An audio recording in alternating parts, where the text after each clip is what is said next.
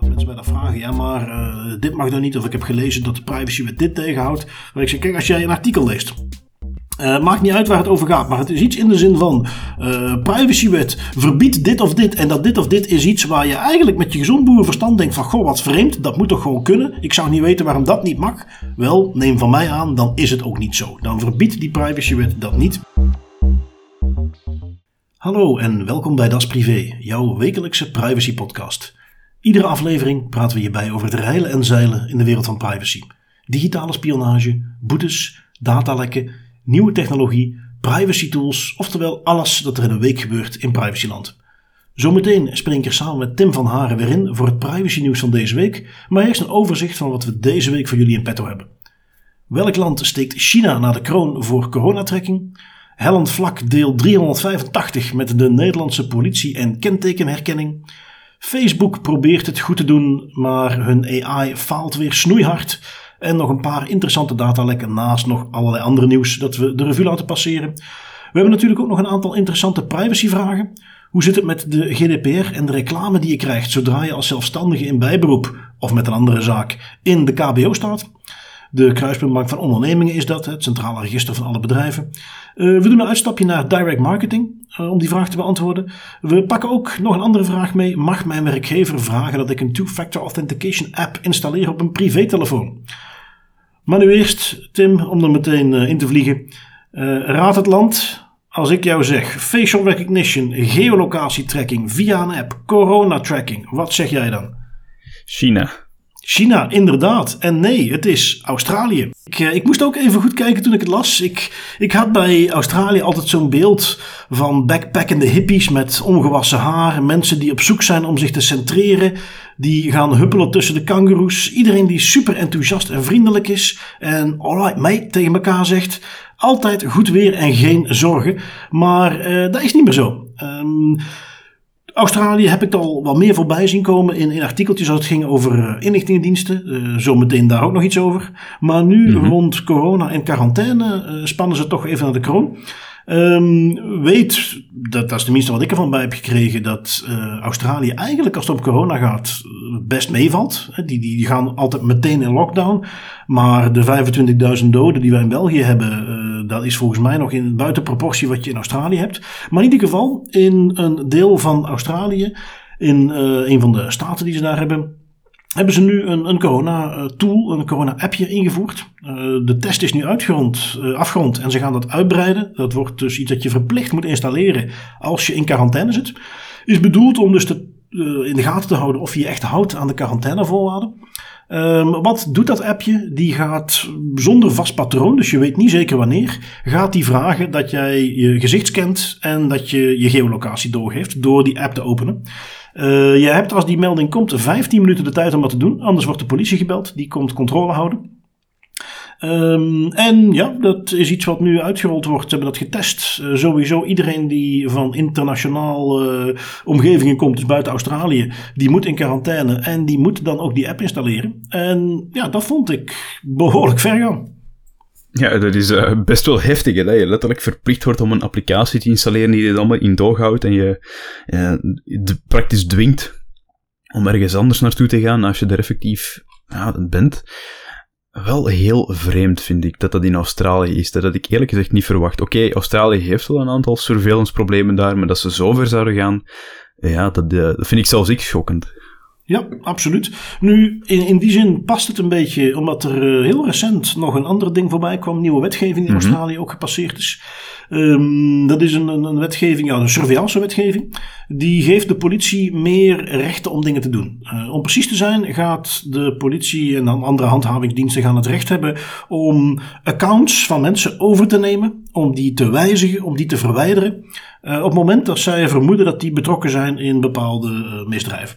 Um, het is iets waar heel veel commentaar op is geweest. Waar in 2020, toen dit oorspronkelijk werd aangekondigd van ja, we gaan dit soort wetgeving doorvoeren, waardoor de politie, belangrijk, zonder dat daar een rechter tussen komt, maar een, een, een de exacte naam is iets van het Australisch uh, systeem. Maar uh, daar een duidelijk een aantal stapjes onder is iemand die de toestemming kan geven om deze hacking uit te voeren.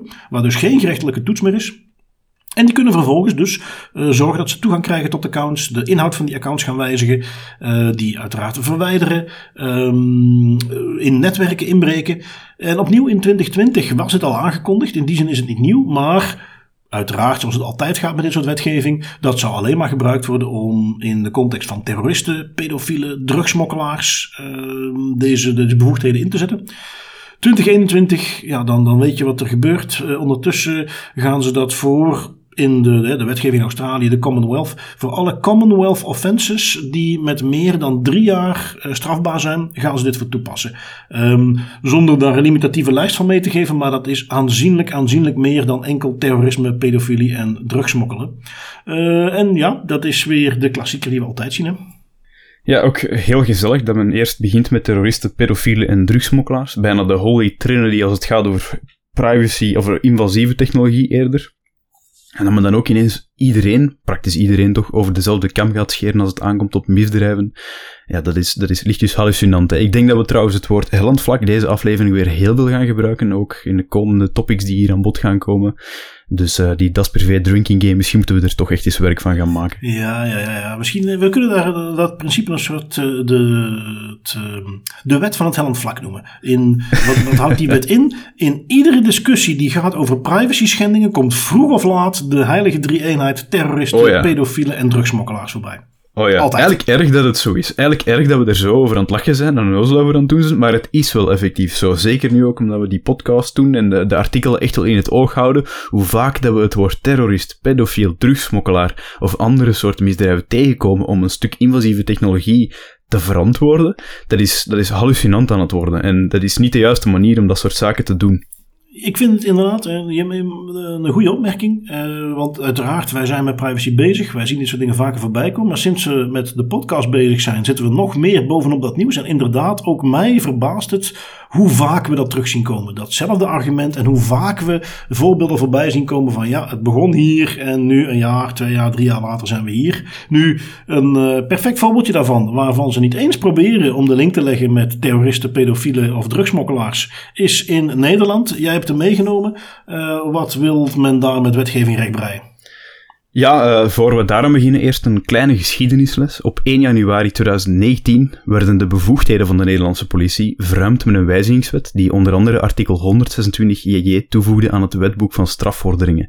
Nu, op basis van dat artikel werd het voor de Nederlandse politie mogelijk om door middel van ANPR-camera's, Automatic Number Plate Recognition, kentekengegevens van passerende voertuigen te registreren en op te slaan voor een periode van vier weken. Nu, inzittenden op de foto's die in de ANPR-systemen belanden, die mogen wel niet herkenbaar zijn, dus die worden geblurred. Het moet louter gaan om de kentekens. Maar die gegevens die kunnen gedurende die vier weken worden ingezien in het kader van een opsporing van een misdrijf of van een voortvluchtige persoon.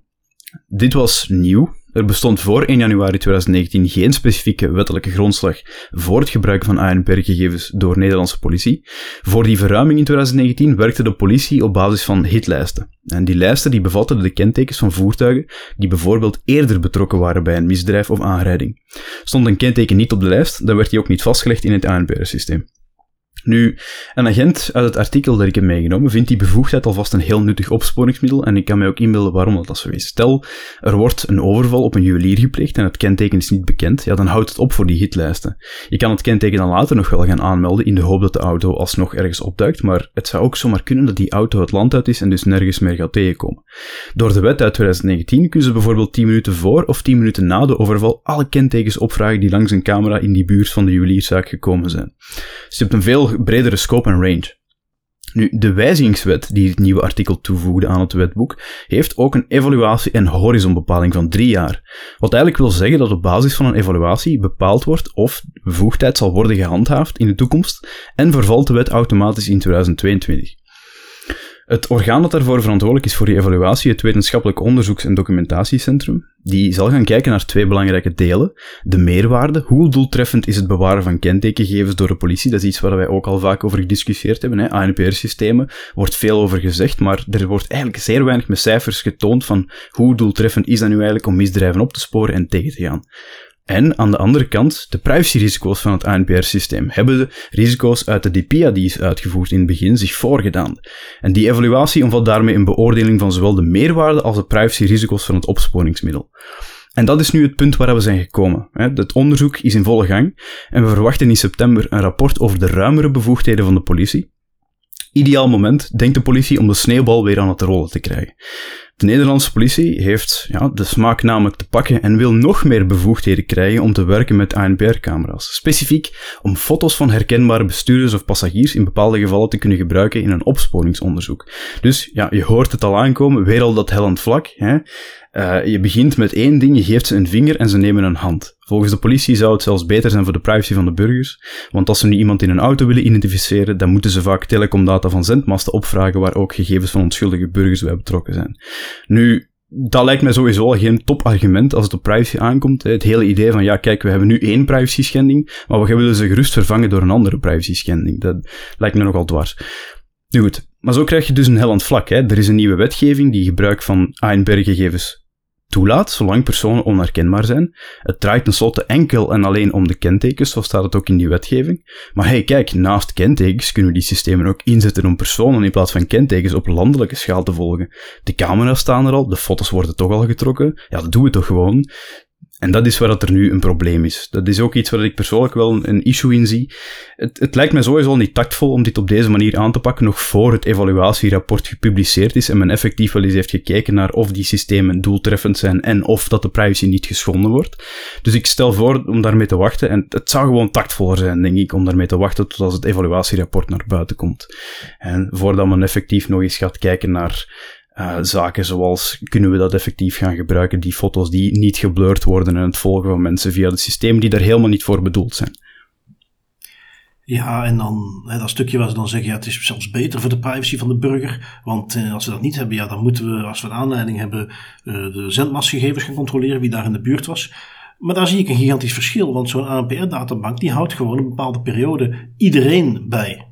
Maakt niet uit uh, of die daar, wat hij daar deed. Maakt niet uit uh, op welke locatie. Hè. Die ANPR-database is gigantisch. En dat is een heel verschil met als jij zegt proportioneel. Oké, er is hier een misdrijf gebeurd. Wij gaan nu die telecomgegevens in die uh, regio opvragen. Um, die, worden, die worden toch al bewaard voor andere doeleinden. Die zijn er. Daar is trouwens ook al genoeg om te doen hè, met de dataretentiewet. Ook daar wordt al van gezegd, ja, eigenlijk kan dat ook niet uh, voor dat soort dingen. Um, en om dat dan als excuus te gaan gebruiken van ja, laten we ook maar gewoon alle ANPR-gegevens gaan opslaan.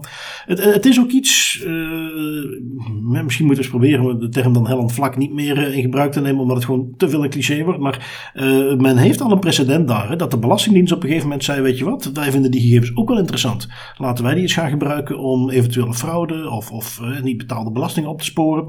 Uh, die zijn daarvoor teruggefloten. Na de hand na wat rechtszaken is toen bekend geworden van ja, jullie hadden daar geen wettelijke basis voor. Um, je, je, loopt dan vaak ook aan tegen bijvoorbeeld onbegrip van belastingambtenaren die zeggen: ja, maar we hebben toch fraude opgespoord. En het, het lijkt alsof daar niet bekend is hoe belangrijk het is om dat basisrecht op privacy in stand te houden. Ja, je kunt er fraude mee opsporen, maar wat je daarmee doet heeft een veel nefaster effect. En het voordeel van oké, we hebben wat fraude opgespoord, weegt gewoon niet op tegen wat je met een maatschappij doet als je al die gegevens gaat verzamelen. Um, zonder dan op de uh, kenmerkende rant te gaan die ik al heel vaak heb afgestoken, maar dat is iets waar ik denk, als we het dan even hebben over hoe kunnen we dat aanpakken, waar ik denk dat het heel belangrijk is dat er veel meer uh, awareness is, veel meer kennis is over wat dat precies inhoudt, dat recht op privacy. Waarom is dat zo belangrijk? Waarom is dat iets wat in uh, grondwetten staat, wat als in het Europees Charter van de Rechten van de Mens als een fundamenteel recht is erkend? Want dan ga je dit soort discussies veel minder hebben en ga je veel sneller die reflex ook bij allerlei mensen die bij de uitvoering betrokken zijn, daarin krijgen. Ah, willen we dit wel? Moeten we dit wel doen? En inderdaad, die evaluatie is er niet voor niks ingestoken. Uh, wat jij opnoemde van wat er in die evaluatie zit, lijkt mij absoluut de kernvraag die ze moeten beantwoorden. Dus inderdaad, wacht daar even op. Ja, inderdaad, dat is het. Hè. Ze hebben nog niet eens de moeite genomen om te wachten voor het effectief uh, roepen naar meer bevoegdheden en zorgen, zeggen dat het allemaal wel zo goed is, want de, de privacy van de burger wordt daardoor, zou daardoor beter beschermd worden, wat dat, zoals jij ook al aangeeft, eigenlijk onzinnig is. Los daarvan, ik denk dat je daar ook nog net een goed punt aan haalde, in die zin dat, ja, er wordt heel vaak de vraag gesteld, kunnen we dit doen? maar dat is niet altijd de juiste vraag om te stellen, want het, soms moet je ook de vraag stellen, is dit wenselijk dat we dit doen? Ja, je kan fraude opsporen, ja, je kan criminelen gaan vatten met al die systemen en al die surveillance en al die tracking en, en die databanken, maar de vraag is ook, is het wenselijk? Gaan we niet ergens te ver? Gaan we niet te veel ja. gaan inspelen op de privacy van de burger. Ja, want uh, kijk, als we die redenering doortrekken, dan kunnen we net zo goed even met z'n allen met een bodycam rond gaan lopen de rest van ons leven. En dan sporen we alles op. Uh, nou ja, trouwens, nee, niet alles, maar ja, nog meer op te sporen.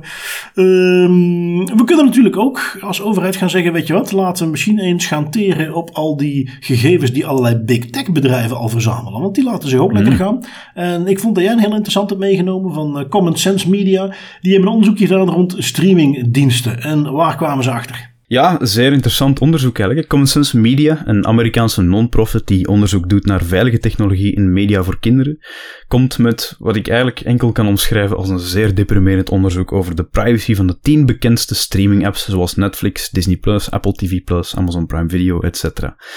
Op basis van een reeks simpele criteria, bijvoorbeeld of de dienst je data verkoopt, of dat ze targeted, targeted advertising ondersteunen of aan tracking doen enzovoort, werd in het onderzoek een score toegewezen aan de streamingdiensten die we allemaal gebruiken of die we allemaal laten gebruiken door onze kinderen. Nu, wat blijkt? Quasi alle streamingdiensten, waar je overigens maandelijks voor betaalt, trekken je gedrag en maken advertentieprofielen op. Daarbovenop verkopen zes van de teams zes van de tien streamingdiensten je data, waaronder Disney+, Hulu en HBO Max. Dus je betaalt ze al om gebruik te maken van hun dienst, en dan gaan ze alsnog op de rug van, je, van, van, van u en van uw kinderen, met uw data, nog eens winst maken. Dat is niet zo fair. En uiteraard, ja, de usual suspect is ook weer van de partij en maar één van de onderzocht, één van de tien onderzochte streamingdiensten bouwde privacy in by design. Je raadt het nooit, Apple TV+. En Apple gaat verder dan privacy by design. Ook privacy by default, hè, het idee dat je de strengste privacymaatregelen by default aanzet in je product, van wanneer dat, dat uit de doos komt, is bij hun gelijknamige Apple TV streaming bakje als enige op orde.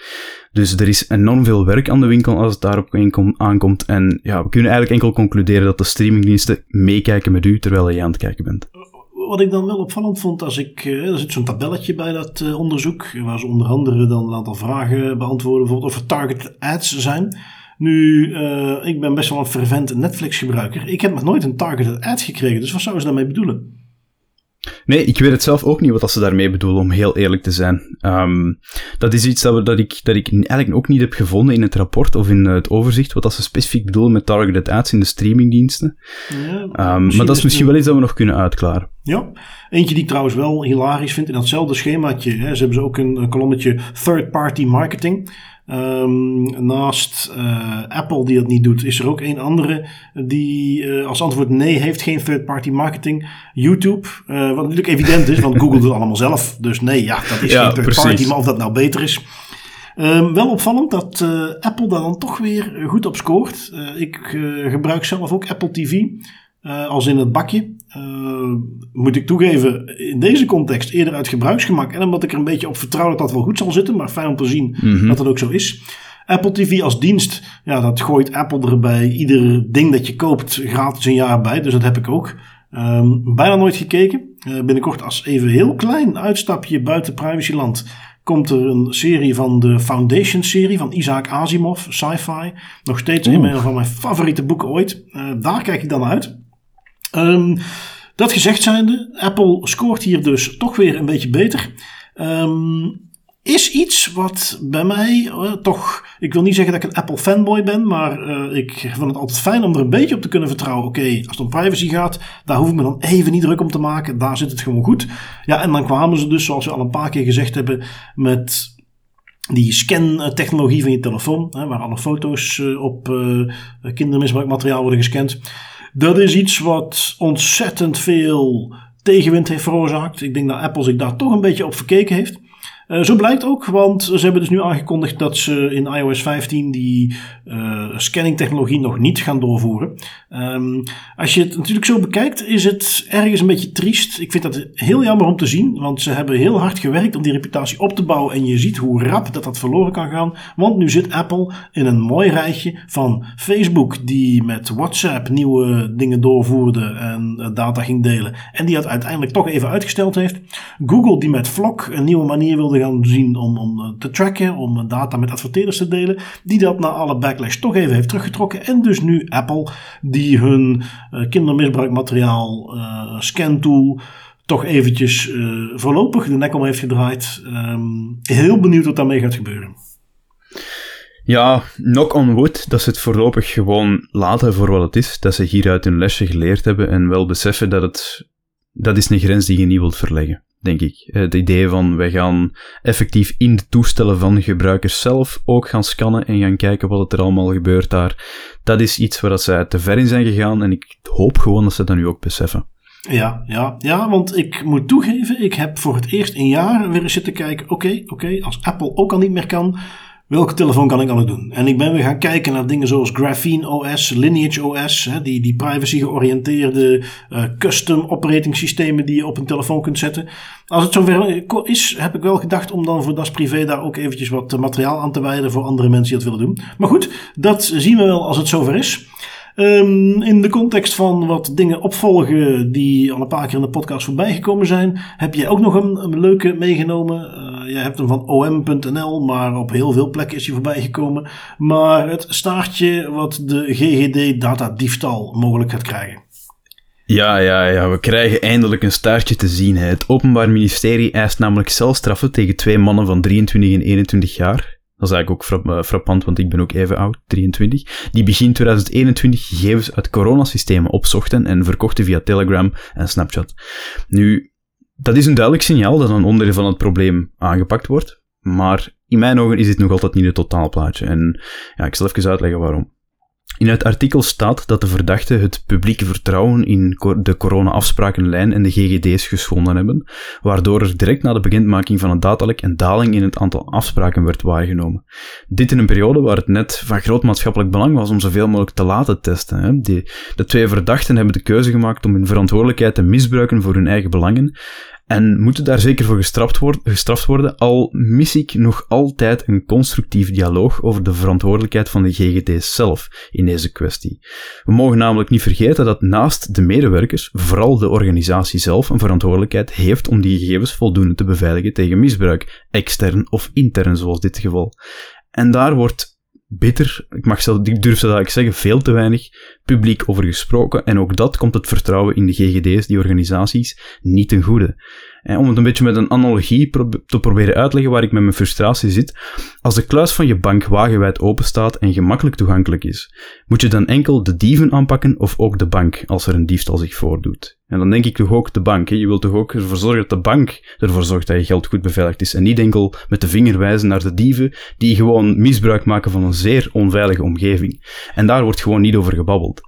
Nee, nee, en je ziet ook hoe um, uit een, een, verslagje wat ik voorbij zag komen. Je had uh, RTL-journalist Daniel Verlaan, die aanwezig was in de rekbank, die wat verslag deed mhm. van de dingen die daar voorbij kwamen. En, en, en je proeft uit alles dat natuurlijk uh, wat die verdachte heeft gedaan, kan niet door de beugel. Maar ergens was hij zich er niet helemaal van bewust. In die zin dat hij uh, aangaf van ja, goh, ik, ik heb dat eerst heb ik eens een keer gekeken naar uh, wat uh, vrienden. Um, toen dacht ik van, ah weet je wat, ik heb die toegang toch. Laat ik eens kijken hoe het zit met wat bekendere mensen. ondertussen Peter R. Vries, niet onbekend. John van den Heuvel, twee misdaadjournalisten. Um, Badr Hari, Little Kleine, Jesse Klaver, in Nederland uh, bekend. Een kickboxer, een rapper, een uh, politicus van de Groenen. Um, begon met van ja, ik ga dat gewoon eens opzoeken. Ik maak een screenshotje, maar ik doe er niks mee. Wat heeft hij dan vervolgens gedaan? Heeft hij de inlog van zijn systeem heeft hij doorgegeven aan een vriend. Want dan kon die vriend inloggen en dan leek het alsof hij aan het werk was. Nou, toen bleek dat hij daar eigenlijk wel een centje mee kon verdienen. Is hij dat gaan doorverkopen. Um, uh, heeft dan uh, via Instagram voor 350 euro wat dingen verkocht. Heeft via Telegram voor 50 euro iets verkocht. En ja, daar zit je dan. Uh, hij zei zelf als, als verdediging voor wat het waard is. Van ja, goh, ik, ik stond er eigenlijk niet zo bij stil dat dit zo'n probleem was. iedereen deed dat een beetje. en ja, daar zit je dan. OM eist 12 maanden cel. Ja, precies. En dat is, dat is ook het probleem. Ik bedoel, als je dat zo lang en zoveel kan doen, ja, oké, okay, daar moet zeker een straf komen voor de persoon die die verantwoordelijkheid heeft misbruikt. Daar ga ik niet over discussiëren. Dat moet gewoon ook een duidelijk signaal uitgezonden worden. Maar belangrijker nog vind ik dat er ook een duidelijk signaal is naar de GGD's en vooral de vraag wordt gesteld van hoe kan het in godsnaam dat een 23 en 21-jarige man zoiets zo simpel en zo lang kan doen. Want het is eigenlijk enkel maar, eh, ja, het is enkel maar in het nieuws gekomen en de spuigaten uitgelopen als er als, als je bijna niet anders kon, dan gaan kijken van ja, waar komt al die data plots vandaan? Dat wordt hier overal verkocht op Telegram en, en Instagram. Dit zijn er twee, maar het zijn er veel meer, zoals ze zelf ook al aangeven. Iedereen deed dat daar. Je kon gewoon overal gaan rondkijken. Dat is een onveilig systeem. En dan ligt het ook bij de verantwoordelijkheid van de organisatie om dat aan te pakken. En daar wordt, ja, daar wordt gewoon geen aandacht aan besteed. Ze gaan nu een zwart schaap aanduiden en daarmee is de kous voor hun af, maar het probleem blijft hetzelfde. De GGD's zijn nog altijd niet beveiligd. Ja, ja want dat is iets wat we destijds ook al aangaven. Het compleet ontbreken van logging, geen fatsoenlijke toegangscontrole. Um, dat zijn dingen waar je ook eens de andere kant op mag kijken. Dat dit toch in zin wat, eh, wat, wat gefaciliteerd is. ja, het had ehm, nooit zo ver mogen komen en dat is de boodschap eigenlijk. Ja, nee, zeker, zeker. En op het moment dat daar ook van, uh, voor, voor een GGD of voor de mensen uh, daar uh, aanwezig geen gevolgen heeft, gaat dat toch niet echt doordringen. Hè? Je ziet dat, pak even destijds die boete voor dat ziekenhuis, omdat die toegangen voor artsen en voor iedereen niet goed afgeschermd waren. Dat is het niveau waarop het dat iets teweeg heeft gebracht, want dat is in ieder ziekenhuis is dat blijven hangen. Nou, dat zou ik hier eigenlijk ook een beetje willen zien. Maar goed, dat komt misschien nog. Um, we kijken even door. Um, ik heb er eentje, ja, dat is er zoiets waar als ik dat lees, daar word ik een beetje boos van. Uh, het is te zeggen, dat zie je zo vaak terugkomen. Het is een stelregel die ik ook altijd hanteer. Waarbij, uh, als mensen mij dat vragen, ja, maar uh, dit mag dan niet, of ik heb gelezen dat de privacywet dit tegenhoudt. Waar ik zeg, kijk, als jij een artikel leest uh, maakt niet uit waar het over gaat, maar het is iets in de zin van uh, privacywet verbiedt dit of dit en dat dit of dit is iets waar je eigenlijk met je gezond boerenverstand denkt van goh wat vreemd, dat moet toch gewoon kunnen. Ik zou niet weten waarom dat niet mag. Wel, neem van mij aan, dan is het ook niet zo. Dan verbiedt die privacywet dat niet. Wel, dat is degene waar ik nu naar kijk. Uh, kopje in de Volkskrant Nederland. Privacywet zit vaccinatiegegevens opvragen werkgever dwars. Um, ja, dan, dan meteen als je dat leest, denk je van ja, oké goed, werkgevers willen vaccinatiegegevens opvragen. De probleem hem niet in de privacywet. Die privacywet die zegt, well, kijk, uh, goed, eigenlijk eh, dat soort medische gegevens, dat is, dat is niet de bedoeling. Maar in deze en deze en deze gevallen kan dat. En een van die gevallen is als er een wet is die het mogelijk maakt. Wat blijkt nu? Ja, er is eigenlijk geen wet die het inderdaad mogelijk maakt voor een werkgever om die gegevens op te vragen. Dat is het probleem. Niet de privacywet. Die heeft een mooi kader vastgesteld waarin dat soort dingen kunnen. Als daar geen wet voor geregeld is, ja, dan zal dat iets zijn wat je moet oppakken. En dat is zo eentje die ik heel veel terug zie komen. Uh, overigens eentje die in België uh, één op één toepasbaar is. Het artikeltje zelf ontbreekt nog, maar het principe dat heel wat werkgevers dat nu eigenlijk zouden willen weten, maar ook er tegenaan lopen dat ze dat niet mogen, gebeurt hier ook. Um, de context, in het artikel wordt die dan wel kort wat geschetst. Hè. Het gaat om een, een meer een, een fabrikageomgeving, uh, waar dus iedereen aanwezig moet zijn in de fabriek. En waar ze tegenaan liepen dat door een bewust ongevaccineerde medewerker uh, een stuk of negen collega's uh, ook besmet raakten. Um, dus ja, dit is er zo eentje in de context van gezond boerenverstand zou denken van, is dit niet iets wat moet kunnen? Nu, die discussie is niet om hier te voeren, is ook geen privacy discussie, maar dat de privacywet hetgeen is wat dat belemmert, is dus absoluut niet het geval en dat is iets wat, wat ik te vaak voorbij zie komen. Ja, dat is waar wat je zegt, te vaak. Dat, is, dat is bijna elke keer dat we het wel een artikel vinden waar ze het hebben over oh, het mag niet van de GDPR of oh nee, we mogen dit niet doen, want een privacyambtenaar heeft gezegd dat dat niet mag. Ten eerste, als een privacyambtenaar u gewoon vlak af zegt nee, zonder u een uitleg te geven of zonder daar verder duiding te geven, of op, gewoon te zoeken naar een oplossing die wel werkt voor uw organisatie, dan is dat misschien geen geweldige privacyambtenaar, want de privacywet laat heel veel creatieve vrijheid. En dat is net het leugen aan te werken met die privacywet. Ik spreek ook uit eigen ervaring. Er is heel veel creatieve vrijheid binnen die wetgeving om te zoeken naar een oplossing om toch een bepaalde verwerking of een bepaald ding te gaan doen. Tuurlijk zijn er soms dingen waarvan je zegt, dit kan niet, omdat er inderdaad geen wet is die dit toelaat of dit ondersteunt. Maar bij, ik kan bij 90% van de dingen me niet voorstellen dat als men een klein beetje moeite doet en met goede wil echt gaat zoeken naar een, een gulden middenweg, dat men dan niet op een oplossing uitkomt. Maar het probleem is, ja, dat kost moeite. En de meeste bedrijven willen gewoon hun ding kunnen doen zonder die moeite te doen. Dat is ook iets dat ik al heb gezien en geleerd. Ja, ja, en, en ik denk dat dat, eh, als we dan kijken naar, uitdagingen voor de GDPR de komende jaren, naast handhaving, is dit een hele belangrijke. Dat er, dat er meer duidelijk wordt van wat er wel en niet kan en waar het aan ligt. En waar dus in dit geval het verhaal gewoon is, wil je dingen doen, dat is prima. Maar als dat kadert in de context dat er een wettelijke basis moet zijn, in de zin van er moet een wet zijn die dat mogelijk maakt, ja, dan zul je die wet moeten maken. Um, als we dan over die handhaving hebben, we hebben handhaving naar meer aan de kant van de autoriteiten. Dat is een belangrijke poot van handhaving. Maar je ziet nu steeds meer voorbeelden terugkomen van handhaving door burger, door burgerrechtenorganisaties, door in ieder geval niet per se door een autoriteit zelf, maar via de gang naar de rechter dat een uh, burger zelf probeert dat af te dwingen. Of een groep dat probeert af te dwingen. En dat is er eentje waar jij nu iets van hebt meegenomen van uh, tweakers.net. Ja, het lijkt maar niet te stoppen voor TikTok. Ik denk dat we daar wel allemaal bekend zijn met die applicatie. Naast een boete van 750.000 euro van de AP. En een Nederlandse stichting die samen met 64.000 ouders TikTok aanklaagt wegens privacy schendingen, komt er nu een gloednieuwe rechtszaak over, jawel, je raadt het goed, meer privacy schendingen. Nu, het probleem in kwestie Anderhalf miljoen gedupeerde kinderen wiens persoonsgegevens onrechtmatig verwerkt worden door TikTok. Volgens de Consumentenbond, die samen met organisatie Take Back Your Privacy de rechtszaak start, verzamelt TikTok al jarenlang illegaal persoonsgegevens van kinderen, waaronder geboortedata, telefoonnummers en e-mailadressen, maar ook interessant genoeg, want dat wist ik zelf ook niet, gegevens die vallen onder de bijzondere categorie persoonsgegevens info over seksuele voorkeuren, religieuze overtuigingen en biometrische gegevens zoals gezichtsherkenning. Dat alles om eigenlijk gerichte advertenties te kunnen tonen aan kinderen. En Vooral dat laatste vind ik persoonlijk een zeer boeiende claim als ze dat kunnen hardmaken, die twee organisaties. Uh, dat TikTok de privacy van kinderen niet serieus neemt, dat is al wel duidelijk. Maar wat deze en andere rechtszaken tegen TikTok zo interessant maken, is dat er grondig onderzoek wordt uitgevoerd naar de manier waarop TikTok winst maakt ten koste van de privacy van, ja, laten we toch zeggen, grotendeels minderjarige gebruikers, die net beschermd moeten worden. Onafhankelijke informatie over wat en hoe TikTok gegevens verwerkt, is beperkt at best en onbestaand at worst. Dus ik vind het wel leuk. Dat is voor mij het belangrijkste aspect aan dit soort zaken, dat er dringend is tijd... Dat, dat er dringend is verandering komt in het feit dat die informatie er niet is. Dat we eindelijk eens zien hoe werkt die zwarte doos van TikTok nu. Hoe worden die algoritmes gegenereerd? Hoe worden die advertenties gepusht naar wat dat toch grotendeels een minderjarig publiek is? En als het dan gaat over ook het verwerken van bijzondere categorieën persoonsgegevens, ja, dan zitten ze wel met een gigantisch probleem. Ja, en is er ook eentje die uh, dicht bij huis komt voor mij. In die zin dat mijn dochter ook uh, TikTok-fan is. Ja, zoals welke 12-jarige niet uh, deze dagen.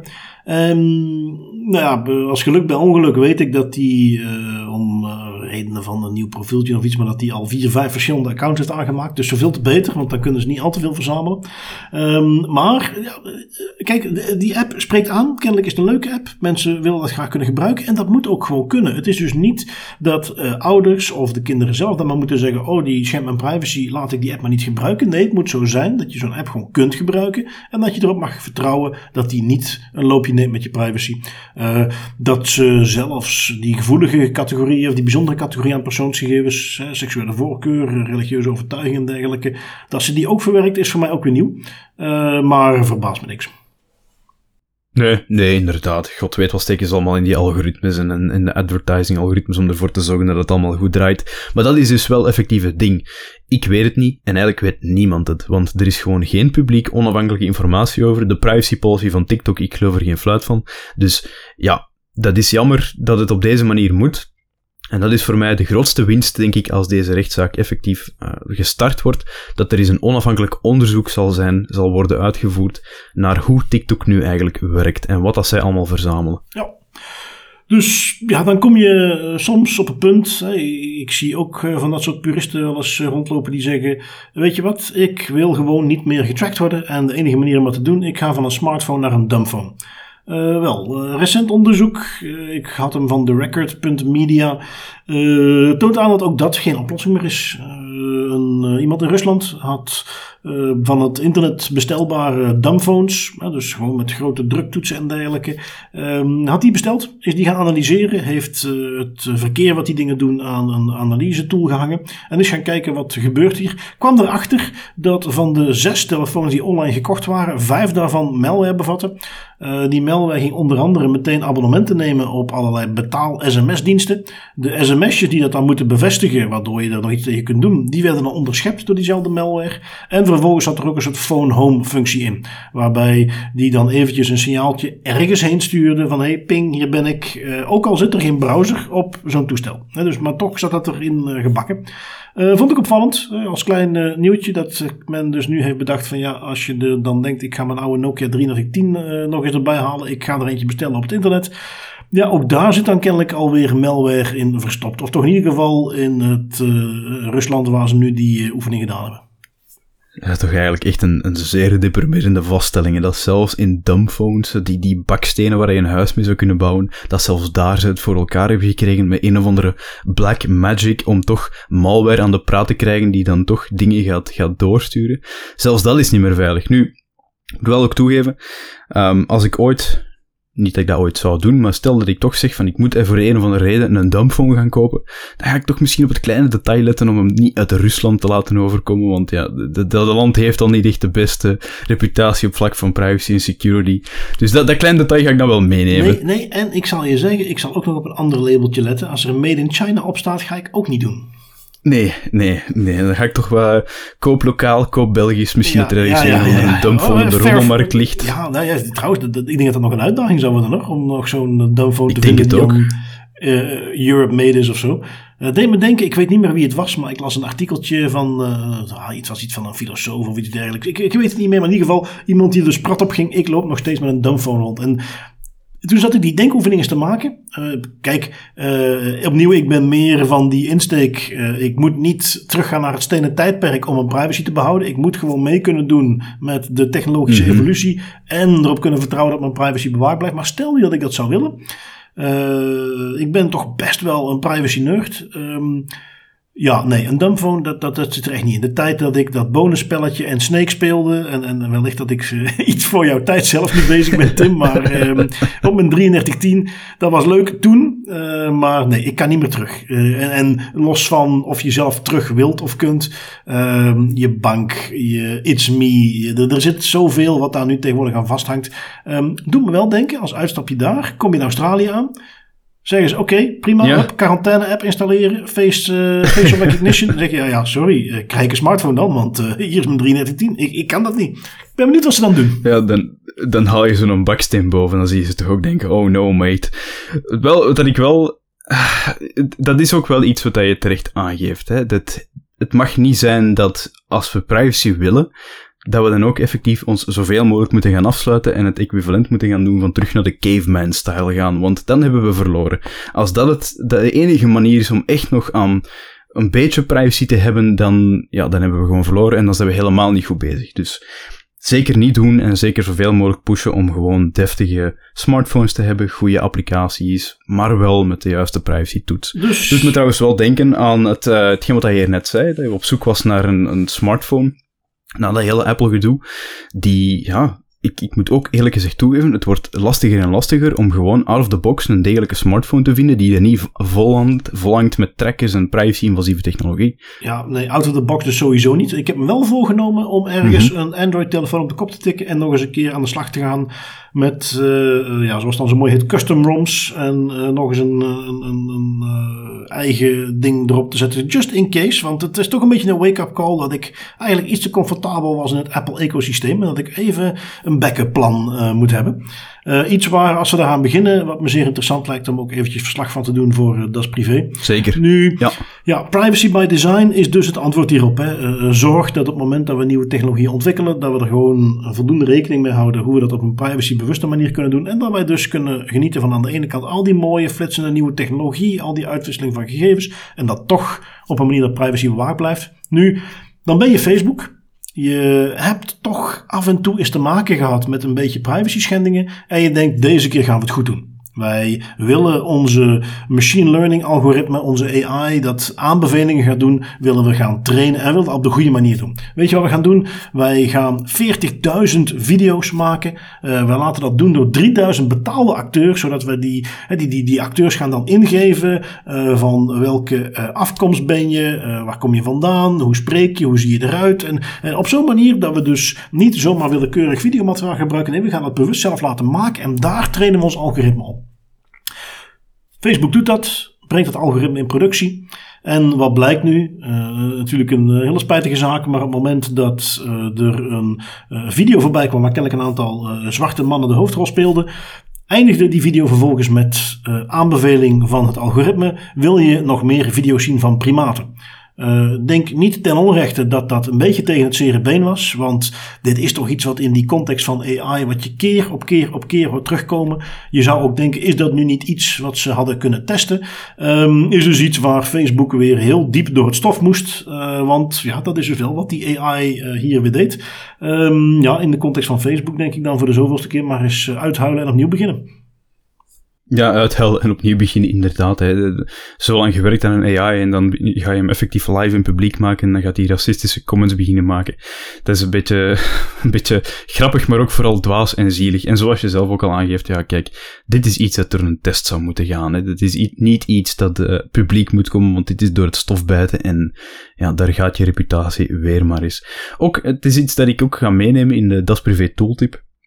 Later ook uh, een heel interessant boek over waarom dat dan nu eigenlijk zo kan. Hè, dat een AI plotseling bij een video met zwarte mannen gaat refereren naar meer video's met primaten. Nou, zijn we toegekomen aan het onderdeel van de aflevering waarin we kijken naar datalekken. En we hebben er wel een paar. Um, ik begin eventjes met eentje die al uh, eerder het nieuws haalde. Ik denk niet dat wij hem voorbij hadden laten komen, omdat het leek van ja, dit is weer een van 13 in een dozijn. Is hier iets bijzonders aan de hand? Nee, het is weer gewoon een datalek zoals zoveel andere. Uh, maar wat extra informatie beschikbaar gekomen. Um, provincie Gelderland in Nederland had via een HR-partner, een extern uh, bedrijf, die liet HR-software ontwikkelen.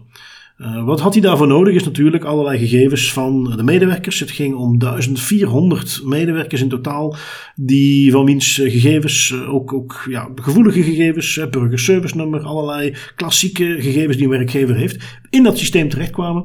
Um, ja, dat bedrijf had te maken met een datalek. die waren gehackt is uh, de hand gebleken dat die gegevens ook buitgemaakt zijn. Wat ik opvallend vond, is in ieder geval in het artikeltje van de NOS wat ik erbij pakte.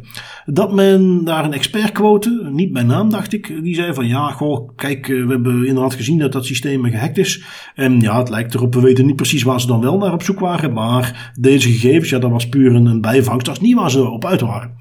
Um, wat ik opvallend vind, want er is nu net de laatste tijd, uh, niet om nu hier eventjes uit uh, mijn losse pols attributie naar China te doen, maar ondertussen is al wel duidelijk geworden dat bijvoorbeeld de Chinese inlichtingendiensten niet anders doen dan op zoek gaan naar zoveel mogelijk informatie over mensen. Onder andere HR-databases. Waarom? Omdat ze dan verbanden kunnen leggen tussen waar werkt iemand, wat voor achtergrond heeft iemand, uh, op wat voor manier kunnen wij misbruik maken van die informatie, kunnen wij iemand onder druk zetten of kunnen we die overtuigen om informatie door te spelen. Het opbouwen van zo'n gigantische dataset is iets waar de Chinezen mee bezig zijn. Uh, zowel naar meer spionagedoeleinden als een artikeltje wat ik recent voorbij zag komen waarbij ze zeiden er is niks beters om je eigen artificial intelligence en machine learning te gaan trainen dan met bestaande de data die je overal vandaan trekt. Um, dus zij zijn eigenlijk hun eigen testdataset aan het opbouwen door zoveel mogelijk persoonsgegevens bij elkaar te hacken. Dus dat idee dat dit bijvangst was, ja, met mijn beperkte kennis zou ik toch denken dat ik dat zo makkelijk niet zou zeggen, want daar zijn die gegevens gevoelig genoeg voor dat dat wel degelijk het hoofddoel zou kunnen zijn. Um, wat ik wel netjes vond, dat heb ik nog niet eerder gehoord. Um, de provincie heeft gezegd: Oké, wij gaan hier een dienst verschaffen voor de mensen die in die datalek uh, vervat zitten. Jullie kunnen een nieuw paspoort aanvragen. En krijgen in die zin ja, geen nieuw burgerservice nummer, maar wel een nieuw paspoortnummer. Uh, in die zin nieuwe gegevens. Dat vond ik eigenlijk een, een, hele nette. Zeker als je bedenkt hoeveel moeite men heeft moeten doen. Uh, een klein stukje historiek in Nederland als je zelfstandige wordt. Waar we dat, als we dat in België doen, krijg je een BTW-nummer. En dat, ja, dat is gewoon een BTW-nummer zoals zoveel. In Nederland was lange tijd jouw BTW-nummer, werd jouw burgerservice-nummer. Het equivalent in België van het Rijksregisternummer. Iets waar iedere eh, privacy professional uh, zijn tenen van ging krommen. Maar ja, goed, dat was nu helemaal hoe ze werkte. Uh, daar heeft men een lange gang naar de rechter moeten doen. voor men ook effectief uh, dat ging aanpassen. Dat de Belastingdienst nu zijn systeem aan het aanpassen is.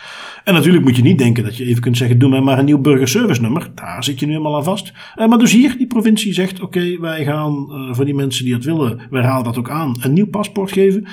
en voor de volledigheid nog even meegeven. Uh, dat bedrijf wat gehackt was, de provincie heeft aan, daarmee hebben wij de samenwerking stopgezet. Ja, en dat is dus exact wat ik bedoel als we het hebben over datalekken en over de manier hoe je een datalek kan aanpakken. Ik denk dat niet heel veel mensen nog lang bezig gaan zijn over de provincie Gelderland die ja, betrokken was bij een hack. En dat, dat, dat, dat ze dat heel slecht hebben aangepakt. Maar dan we vooral het gaan hebben over het feit dat zij die paspoorten willen vernieuwen. En dat ze die moeite doen en effectief hun verantwoordelijkheid nemen. Dat is waar, je, je voelt dat zelf ook in het gesprek, waar toch de focus vooral op ligt. Dat is een, echt een nice one. Dat is cadeaus ook naar die provincie. En dat is ook iets dat ik altijd zeg. Probeer er gewoon een zo positief mogelijk verhaal van te maken door je verantwoordelijkheid te pakken en zoveel mogelijk te doen om de slachtoffers ja, uh, te helpen. Ja. Um, gaan we even door naar het volgende datalekje. Uh, kennelijk uh, van een WordPress-site, iets in Frankrijk. Je hebt hem meegenomen van hoe kan het ook anders, security.nl. Waar ging het over? Yes, hofleverancier van Das Privé is weer present. Coronatests en persoonsgegevens van 700.000 Fransen op straat door lekke WordPress-site. Het lek deed zich voor bij een op een WordPress eh, gebaseerd webplatform met de bijzonder originele naam France Test, dat gegevens van coronatests die bij apothekers worden uitgevoerd inventariseert en doorsluist naar een beveiligd platform van de Franse overheid. Nu, door een wachtwoord dat publiek toegankelijk op de website stond, echt een klassieke blunder ook weer, kon je een beheerdersaccount maken en gegevens van andere patiënten benaderen. Zo was het mogelijk om naam, geboortedatum, adres, telefoonnummer, geslacht, burgerservice-nummer of terug opnieuw het rechtstreekste voor ons Belgen, e-mailadressen en testresultaten te bemachtigen. Nu, wat ik mij eigenlijk meteen afvroeg als ik dat artikel las, is waarom moet een beheerdersaccount aan alle data van patiënten kunnen, als dat platform als enige bestaansreden heeft om gegevens te inventariseren en door te sluizen? Is het zowel voor degene die de software levert, dat webplatform levert, als voor de mensen die het beheren, niet stukken simpeler en veiliger om die verantwoordelijkheid te trancheren en weg te geven aan de apothekers zelf? Dat, dat is zo bizar. Ja, nu goed, uit het hele feit dat een site of een, een, een toepassing waar het gegevens van 700.000 mensen aan de overheid moeten worden doorgespeeld, dat dat gemaakt is op een WordPress-site, dat zegt eigenlijk alles wat je moet weten. Um, ik bedoel, ik ben een grote fan van WordPress. Ik gebruik het al jaren. Uh, eventjes kleine reminder op onze Das Privé tooltip. WordFence, een uh, hartelijke security upgrade aan iedere WordPress-omgeving. Zeker installeren, gratis. Dat gezegd zijnde, WordPress is bedoeld voor websites zoals Das Privé, voor blogs, voor misschien zelfs webshops. Niet om gevoelige uh, medische gegevens bij te gaan houden en door te geven aan de overheid. Daar zijn andere systemen voor. Uh, het idee wat jij net schetst van ja, dat, het wachtwoord zelfs ergens, want je zei klassieke fout. Ik moet toegeven, een wachtwoord van een admin-account ergens publiekelijk op de website zetten, dat is niet eens een klassieke fout. Dat, dat is nog erger dan dat. Um, dus ja, ergens uh, redelijk triest, maar goed, het is gebeurd. We zullen zien of dat zich ook nog laat voelen bij de knil als we kijken naar meer een uh, boete of een gevolg daarvoor. Um, voor het volgende datalek kijken we naar bleepingcomputer.com. Ook in die zin wel een beetje een klassieker. Uh, we hebben de New York Credit Union, een soort bank, uiteraard bezig met het geven van kredieten. Uh, hebben iemand ontslagen. De betreffende dame was het daar kennelijk niet zo mee eens. En ging een weekje later eens kijken: kan ik nog aan mijn account? En verdorie, ja, ik kan nog in mijn account. Uh, wat heeft hij vervolgens gedaan? 21 gigabyte aan data gewoon verwijderd. 20.000 documenten binnen 40 minuten weggedaan. Uh, heeft in die tijd ook nog de ruimte gehad om nog eens wat confidentiële documenten te openen, zoals de meeting minutes van de board. Um, in de rechtszaak die daaruit voortkwam, uh, werden onder andere ook de sms'jes die die persoon nog stuurde naar vrienden erbij gehaald. daar stonden onder andere juweeltjes in, zoals They didn't revoke my access, so I deleted the P-drive. Lol. I deleted their shared network documents. Ja, met dat soort bewijsmateriaal hoef je niet veel verder te zoeken. Um, Tim, uh, als we dan eventjes een, een DAS privé DAS beter willen doen. Uh, interessant in deze context, want het heeft ze toch 10.000 euro uh, dollar gekost om dit weer terug te halen uit backups, al die data. Um, wat had men hier beter kunnen doen? Ja, wel, uh, eerst en vooral had men hier wel eens kunnen nadenken over een stevig exit-proces. als, als die medewerker ontslagen wordt, dat hij na een week nog toegang heeft, dat is pijnlijk. Dat is normaal gezien een van de eerste dingen waar, waar ik ook naar ga kijken als ik in audits of zo um, naar, naar de HR-beveiliging moet gaan kijken, of de medewerkersgerelateerde beveiliging. Hoe wordt een toegang weg gegeven? Of hoe wordt een toegang verwijderd of ontlinkt van een medewerker? Zeker. En we kennen allemaal dat typisch Amerikaanse dingetje uit films. Als iemand ontslagen wordt, mag hij meteen met zijn doosje en zijn spulletjes naar buiten lopen. Ja. Hey, terwijl we hier ja. eigenlijk veel minder kennen. Nou, daar hoort dit dan toch ook bij. En ja, iets anders wat ik me ook afvraag als ik zoiets lees. Hoe kan het überhaupt, zelfs met bestaande medewerkers die niet ontslagen zijn, dat iemand de machtigingen heeft om zomaar in 40 minuten 20.000 van jouw meest gevoelige documenten weg te gooien? een beetje access control lijkt me daar ook niet misplaatst. Um, goed, dat gezegd zijnde, hebben wij uiteraard ook nog even aandacht voor wat autoriteiten. You will respect my authority! En er zaten een paar uh, leuke bij. Eentje die we uiteraard niet kunnen laten missen. Ik wil er tegelijk ook niet te lang bij stilstaan. In die zin dat dat werkelijk overal toch al de revue gepasseerd is. Maar goed, je moet hem even melden. Uh, WhatsApp of Facebook heeft de op één na hoogste boete ooit gekregen. Um, het boetebesluit van de Ierse gegevensbeschermingsautoriteit is een lekker toegankelijke 266 pagina's uh, van argumenten wat ze allemaal verkeerd deden. Uh, het gaat om 225 miljoen boete. Hè, dus alleen de recente boete vanuit Luxemburg van 750 miljoen euro voor Amazon komt daar bovenuit. Waar moet je aan denken? Toch een beetje de klassieker uit het verleden, hè? want dit dateert al van 2018. Uh, het feit dat allerlei gegevens van niet-WhatsApp-gebruikers ook meteen geüpload worden op het moment dat je je contactenlijst uh, toevoegt. De manier hoe ze dan gaan zoeken of iemand bekende heeft in zijn contactenlijst en die gegevens bijhoudt, is iets wat niet door de beugel komt. De manier hoe ze daar informatie over verschaffen klopt er niet. Het transparantiebeginsel, het delen van gegevens met Facebook, wat toch ook al eerder op bepaalde manieren gebeurde, was niet duidelijk. Um, los van de boete hebben ze nu drie maanden om dit te fixen. Wat ik verder nog interessant vind om even mee te geven. Dit wordt nu een beetje onthaald in, in de klassieke media. Niet zozeer in de wat meer privacy georiënteerde, die kennen dat verhaal wel. Maar in de klassieke media als van ja, die, die Ierse autoriteit die gaat ervoor. Um, we weten dat op de achtergrond hier speelde dat de Ierse autoriteit uh, ten eerste al een backlog heeft met nog 80, letterlijk 80 minstens meer van dit soort zaken die ze maar niet oplossen. Het is 2018. Uh, is uiteindelijk met zo'n analyse gekomen die ze vanwege de omvang en de zwaarte moesten afstemmen met de andere toezichthouders. Die hebben die bijna collectief teruggefloten van wat zijn jullie hier aan het doen. De boete waar jullie mee komen is veel te laag. Als wij dit hier zien, dit kan niet. Um, de wetgeving voorziet dat er dan een soort afstemming is tussen de Europese Als je daar niet uitkomt, dan moet de EDPB, de European Data Protection Board, waar ze allemaal samen in zitten, die moet een beslissing nemen. En die heeft hier de Ierse autoriteit gewoon opgedragen om een hogere boete op te leggen. Um, en, en dat is iets wat ik een beetje miste, dat de Ierse autoriteit hier bijna met een stok geslagen moest worden om eindelijk eens een keer een boete op te leggen. En opnieuw, er liggen nog heel veel van dit soort zaken te wachten. Dus in die zin niet al te veel uh, complimenten voor de Ierse autoriteit. In bredere zin wel fijn dat er eindelijk nog eens een keer zo'n is. En ik zeg het al heel vaak, maar die Europese machine, uh, die bureaucratie, die, die autoriteiten, het duurt even. Maar als die eenmaal op gang komt, maak je borst big tech. Ja, zie je inderdaad. Hè. Uh, vind ik wel cool om ook eens te horen hoe dat die, dat die, ik zou het bijna politiek noemen, hoe dat die autoriteiten allemaal achter de, de schermen samenwerken en dan toch naar de Ierse autoriteiten stappen en zeggen van jongens, hallo, waar zijn jullie mee bezig? Dit is, dit is belachelijk, dit is cost of business voor Facebook. 255, 225 miljoen boete, sorry. Maar wat ik vooral ook leuk vind, is dat ze het binnen drie maanden moeten fixen. Hè. De, de, de financiële boete is, dat is, dat is groot en dat is goed, maar ik vind het misschien word ik er ook een gevoeliger door, maar ik vind het des te belangrijker de laatste tijd dat er ook effectief gekeken wordt naar zo die dwang, dwangmaatregelen. Ja, ja. Dit moet binnen een aantal, nee, binnen een absoluut. tijdstip opgelost worden. Um, even kijken, je hebt er nog eentje meegenomen die we nog heel kort even overlopen. Een Spaanse bank heeft een boete gekregen. Ja, eigenlijk in zijn boete ook omdat er te weinig gegevens gevraagd werden. Uh, een klant van de Spaanse bank BBVA legde een klacht neer bij de Spaanse autoriteiten omdat de bank bij het verstrekken van informatie via telefoon enkel om een ID-nummer als identificatiemiddel vroeg. Dus het was mogelijk om de bank te bellen, een willekeurig nummer te geven en zo zonder enige verdere verificatie informatie te ontvangen die gelinkt werd aan dat ID-nummer. Dat is eigenlijk absurd dat dat tegenwoordig nog kan. Ja, prachtig. De Spaanse AUPD beschouwde dit terecht als een gebrek aan technische en organisatorische maatregelen. Dat is nog een understatement. En uh, ja, oorspronkelijk was de boete 200 1000 euro. Maar deze werd dus verlaagd naar 120.000 euro na schuldbekentenis en vrijwillige betaling. Ja, zoals we weten, de Spaanse autoriteit erop gebrand om zo snel mogelijk het geld binnen te krijgen. Um, dat waren de autoriteiten. Hebben wij nog onze privacyvragen? Ik vond dat er deze keer weer twee leuke tussen zaten. De eerste kwam van Jeroen. Uh, zelfstandig in bijberoep worden is plots ook een hoop ongewenste reclame ontvangen. Denk dat dit niet zo AVG GDPR correct is om de database van de KBO te screpen.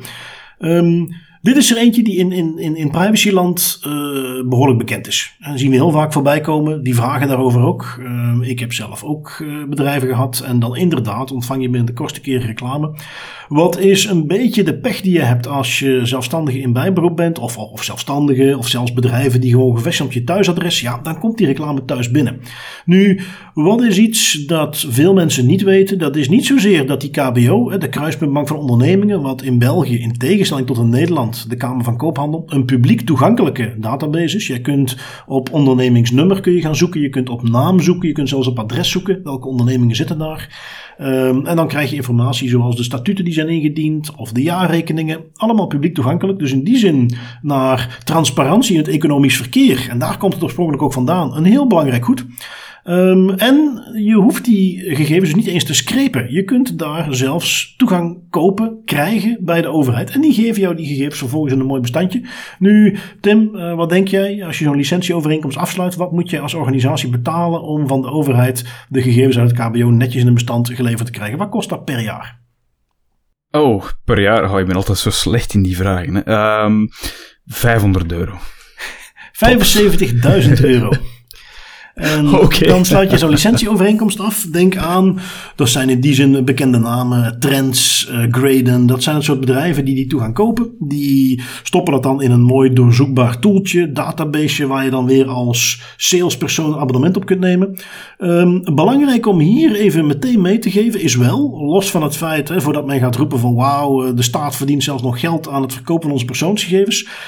Er staat heel letterlijk in die licentieovereenkomst die dan afsluit, in de wetgeving hierover gaat, de persoonsgegevens die je daarbij krijgt, uh, mag je niet gebruiken voor direct marketing doeleinden. Uh, dat neemt niet weg dat daar in de praktijk vaak tegen gezondigd wordt. Dat ik ook weet dat er inderdaad bedrijven zijn die de boel scrapen. Maar uh, de wet is zelf heel erg duidelijk. Als je toegang krijgt tot die gegevens, je mag die niet gaan gebruiken voor direct marketing. Um, wat ook heel belangrijk is om te weten als we het hebben over direct marketing. Dat is iets wat ja, de, de, de gegevensbeschermingsautoriteit, de GBA in België, heeft daar uh, vorig jaar een, ook hier weer vrij toegankelijke aanbeveling gepubliceerd van 79 pagina's. Ik zeg het wat cynisch. Ik moet zeggen, voor mij als uh, privacy professional is dat, is een fantastisch document. Um, daar is heel veel discussie over. Maar in ieder geval voor de GBA, ze verschaffen duidelijkheid dat is niet het meest toegankelijke document voor iemand die gewoon wil weten wat, wat kan ik als bedrijf doen als ik direct marketing wil doen en die niet bezig is met privacy. Um, ik zat ook te denken dat het misschien nog interessant is om daar eens een keer een, een aparte das privé aan te wijden, om dat eens wat uit te klaren. Maar wat ik wel gewoon kan meegeven als basisregel, direct marketing via elektronische post, dus de klassieke via e-mail, nieuwsbrieven, daar is altijd toestemming voor nodig. Altijd. En daar is maar één uitzondering op. Als jij een bestaande klant hebt en jij wilt die een gelijkaardig product aanbieden, dan mag jij die zonder toestemming direct marketing materiaal sturen. Nieuwsbrieven, promoties, eh, alles van communicatie waarin jij iets van jezelf aanprijst. Dus er hoeft niet eens een commercieel voorstel in te staan. Dat is echt een hele brede definitie. Dat is direct marketing en daar heb je dus toestemming voor nodig, tenzij het om bestaande klanten gaat, die je dan ook nog eens een gelijkaardig product aanbiedt. Het voorbeeldje wel vaak aanhalen. Als ik bij Coolblue een MacBook heb gekocht en zij hebben een uh, maand later aanbiedingen op uh, de muizen speciaal voor MacBooks. Daar mogen ze mij een mailtje versturen, maar doen zij een aanbieding in tuinsets, mogen ze me geen uh, direct marketing sturen zonder toestemming. Dus heel simpel, um, behalve in die ene uitzondering moet je altijd toestemming hebben om dat te gaan doen. Uh, los daarvan, eventjes meer de, privacywetgeving, heb je dus een heel duidelijk uh, wettelijk kader in die, uh, dat koninklijk besluit dat regelt wat je met die KBO-gegevens mag doen. Direct marketing met de persoonsgegevens niet toegestaan. Heel simpel. Um, wat ik nog als tip kan meegeven, stel nu, je, je bent dan geregistreerd, je bent zelfstandig in bijberoep of een bedrijf gemaakt. Je kunt via de My Enterprise toepassing kun je inloggen. Dat is via de, de kruismarkt van ondernemingen. Daar zit dan achter ook weer een, een portaal waar je kunt inloggen. Um, kwam er trouwens achter dat je daar niet met It's Me kunt inloggen. Wel met de klassieke EID-reader en dergelijke. Dus niet erg gebruiksvriendelijk. Maar als je daar inlogt, kun je bepaalde gegevens verwijderen. En dus dat die niet meer zichtbaar zijn in het KBO. Dat is een tip die ik nog kan meegeven. Um, ja, dus, dus, dat is een beetje de, de context van uh, die, die gegevens uit het KBO. Dus ik nog interessant. Is er eentje die heel vaak voorbij komt. Um, heb ik nog een andere? Uh, Tim die vroeg het volgende. Kan een werkgever de werknemer verplichten om een two-factor authentication app te installeren op zijn privé gsm? Om zo de remote login van het bedrijf te faciliteren. Er zijn er privacy, secu zijn er privacy security risico's aan verbonden aan zo'n app. Um, dus ja, even voor de duidelijkheid. Het gaat dus om als jij toegang krijgt tot je professionele mail. Dat kan met een gebruikersnaam en een wachtwoord. Is eigenlijk niet veilig. En dus dan heb je appjes die jou een extra authenticatie vragen. Die een code geven die je moet ingeven. Um, en de vraag van Tim is dus van ja, mag mijn werkgever vragen dat ik die installeer? Ehm, meteen eventjes een disclaimer in die zin dat dit een beetje naast de pure privacy materie is. En dat ik dus even meegeef dat ik geen jurist of uh, advocaat of, of uh, juridisch geschoolde persoon ben. Maar ik heb dit al wel eens eerder met een jurist besproken. Want ik heb die vraag al veel voorbij zien komen. Um, het antwoord is simpelweg, het laatste wat ik daarvan gehoord heb, ja. Uh, je hebt als werknemer ook bepaalde plichten. Um, het idee van, ja, dan moet de werkgever voor mij maar een smartphone kopen voordat ik dat appje installeer, gaat hier niet op de, er moet proportioneel zijn. Zoals altijd, een werkgever kan niet zomaar vragen dat jij van alles en nog wat op je telefoon gaat installeren. Maar hier hebben we het over een appje, om ook dat stukje van Tim's vraag te beantwoorden, waar voor zover ik weet geen enkel risico aan privacy en security zit. Dat is een appje dat, uh, als je de, de bekende pakt, Authy staat ook op onze tooltip, is een aanrader. Dat doet niks anders dan als jij die opent voor bepaalde accounts een nummer genereren. En dat nummer is bekend bij de dienst waarvoor je het nummer genereert. En zo kunnen ze checken dat jij het effectief bent. Daar zit geen enkel risico aan. En dat is dus waar ik denk dat die proportie tussen wat kan een werkgever jou vragen, net zoals dat hij vraagt dat jij uh, je netjes kleedt als je naar klanten toe moet zonder dat hij jou uh, de kostuums voor je koopt. Net zoals dat hij mag verwachten dat je je auto af en toe door de carwash haalt als je een auto van de zaak hebt gekregen. Um, op dezelfde manier mag die uh, vragen dat jij zo'n app installeert voor two-factor authentication. Um, ik moet er wel meteen bij zeggen, dat is het, het, het wat meer formele juridische antwoord ik heb gekregen. Um, ik ben nog geen organisatie tegengekomen die dat op die manier ook echt afdwingt. Um, even, uh, dus dat men als werkgever al het gevoel had van ja, hier, hier zitten we een beetje op, op een grens. Daar willen we eigenlijk niet uh, overheen gaan. Ook al zou het misschien kunnen. Dus dat is uh, meteen nuance om mee te geven. Het is iets wat ik wel degelijk zou vragen. En Even puur persoonlijke mening. Um, als je in een context zit waarin je dat als werkgever gaat vragen en waarin mensen dat dan weigeren, met een beetje die insteek van ja, dan moet je me maar een telefoon geven. Ik vind dat je dan gewoon een beetje lastig aan doen bent om lastig te doen. Want er, er is geen enkel negatief gevolg voor jou. Je hebt die smartphone, je hebt waarschijnlijk zo'n appje voor een paar van je eigen dingen ook al geïnstalleerd. Um, sterker nog, het is een beveiliging van je eigen gegevens, want in die professionele mailbox zitten ook jouw persoonsgegevens. Dus ik zie daar echt geen probleem mee om dat uh, te doen. Ja, tenzij je natuurlijk zo een zagende, privacybewuste werknemer hebt die uh, een Russische dumbphone heeft omdat hij zo begaan is met zijn privacy, dan is dat natuurlijk nog een ander verhaal. Maar voor de rest, ja, kijk, ik denk dat, vooral, ik denk dat hier vooral de, de, de frictie ontstaat omdat het iets relatief nieuw is en de, de, de smartphone, daar staat heel veel informatie op, dat is van u. Als dat niet goed wordt uitgelegd en er wordt eigenlijk enkel vanuit de werkgever informatie gegeven van kijk jongens, vanaf nu moet je deze applicatie erop zetten, om, omdat dat de, voor de veiligheid nu eenmaal zo moet en dat is de informatie en daar stopt het, dan gaan werknemers zich wel terecht ook vragen stellen van oké, okay, wat, wat is die applicatie? Ja, ik ken ja, dat niet, wat nee, doet dat? Daar heb je groot gelijk in. Communicatie gaat daar een hele belangrijke zijn. Is dat goed uitgelegd? Kan ik me ook gewoon heel moeilijk voorstellen uh, dat daar uh, veel problemen mee zijn. Um, ja, nu goed, uh, dat waren de privacy vragen van deze week. Dan hebben we natuurlijk nog een privacy tooltje. Ik heb deze week, sorry Tim, eigenlijk een beetje iets, een idee van jou van een tijd geleden gehad. Uh, maar het gaat ietsje verder. Uh, jij had destijds een, een, een, website waar je YouTube kon gebruiken, maar dan zonder YouTube zelf te moeten gebruiken, inclusief alle trackers. Ik ga een stapje verder. Ik heb een appje gevonden, wat ik nu zelf ook de laatste tijd wat gebruikt heb, om op een Windows PC, Mac, Linux omgeving te installeren. En dan kun je ook YouTube gebruiken. Het heet FreeTube. Um, je hebt gewoon een, eigen interface. Uh, je hoeft dus niet naar de YouTube-site te gaan. Je hoeft ook geen account op YouTube te maken. Maar je kunt toch je abonneren op dingen. Je kunt lijstjes aanmaken. Je kunt dingen bekijken. Er schouwen ook geen advertenties zijn. Ik heb ze ook nog niet gezien tot nu toe. Um, dus zeer interessant. Wil je die ook voor Android hebben, dan heb je newpipe.net. Daar heb je het linkje naar de Android-app. Voor iOS heb ik hem niet gevonden. Maar dat zijn dus alternatieven om toch uh, het uh, goede spul van YouTube te kunnen bekijken. Zonder daar meteen voor te moeten betalen met je persoonsgegevens.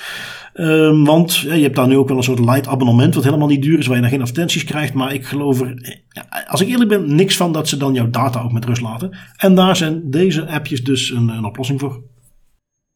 Ja, heel leuk. Hè? En inderdaad, een abonnement gaan pakken op YouTube, dat, dat is helemaal niet de bedoeling. Zeker niet om advertenties te omzeilen, dat is een manier genoeg. En dit is ook een, een hele leuke. Gebruik ik ook zelf af en toe ook. Zeker die new pipe. Ja. Uh, goed, wat heb jij meegenomen? Right, een boek weer al. Brian Christian, The Alignment Problem, Machine Learning and Human Values. Ik had het er net er al over. Echt eigenlijk een aanrader voor iedereen die meer te weten wilt komen over het hoe en wat van AI die plots menselijke vooroordelen lijkt over te nemen. En we koppelen terug even naar die, uh, die video's van, van zwarte mensen en dat er dan plotseling de, de tag wordt aan toegevoegd dat het primaten zijn. Het boek legt eigenlijk in drie grote hoofdstukken de explosieve groei van machine learning uit en de huidige grenzen van die technologie. Het is net geen 500 pagina's lang, dus wel niet het kleinste boekje, maar wel eentje die vlot doorleest. Oké, nou, uh, heel interessant. Uh, een soort gelijkboek is er eentje die ik Misschien zelfs zonder een mee te nemen de tooltip uh, Weapons of Math Destruction, die ik ook op ons lijstje ga zetten op de website. Want uh, binnenkort komen al onze boekentips komen er op een aparte pagina. Um, heel interessant als soort boeken. Oké, goed. Dankjewel Tim. En zoals altijd weer bedankt om hier met mij uh, ruim een uurtje te praten over deze privacyzaken. En ook weer bedankt aan onze luisteraars, want we zijn weer aan het einde gekomen van onze aflevering. Bedankt voor het luisteren en we zien jullie of je horen jullie om bezig te zijn volgende week weer. Yes, tot volgende week. Thank you.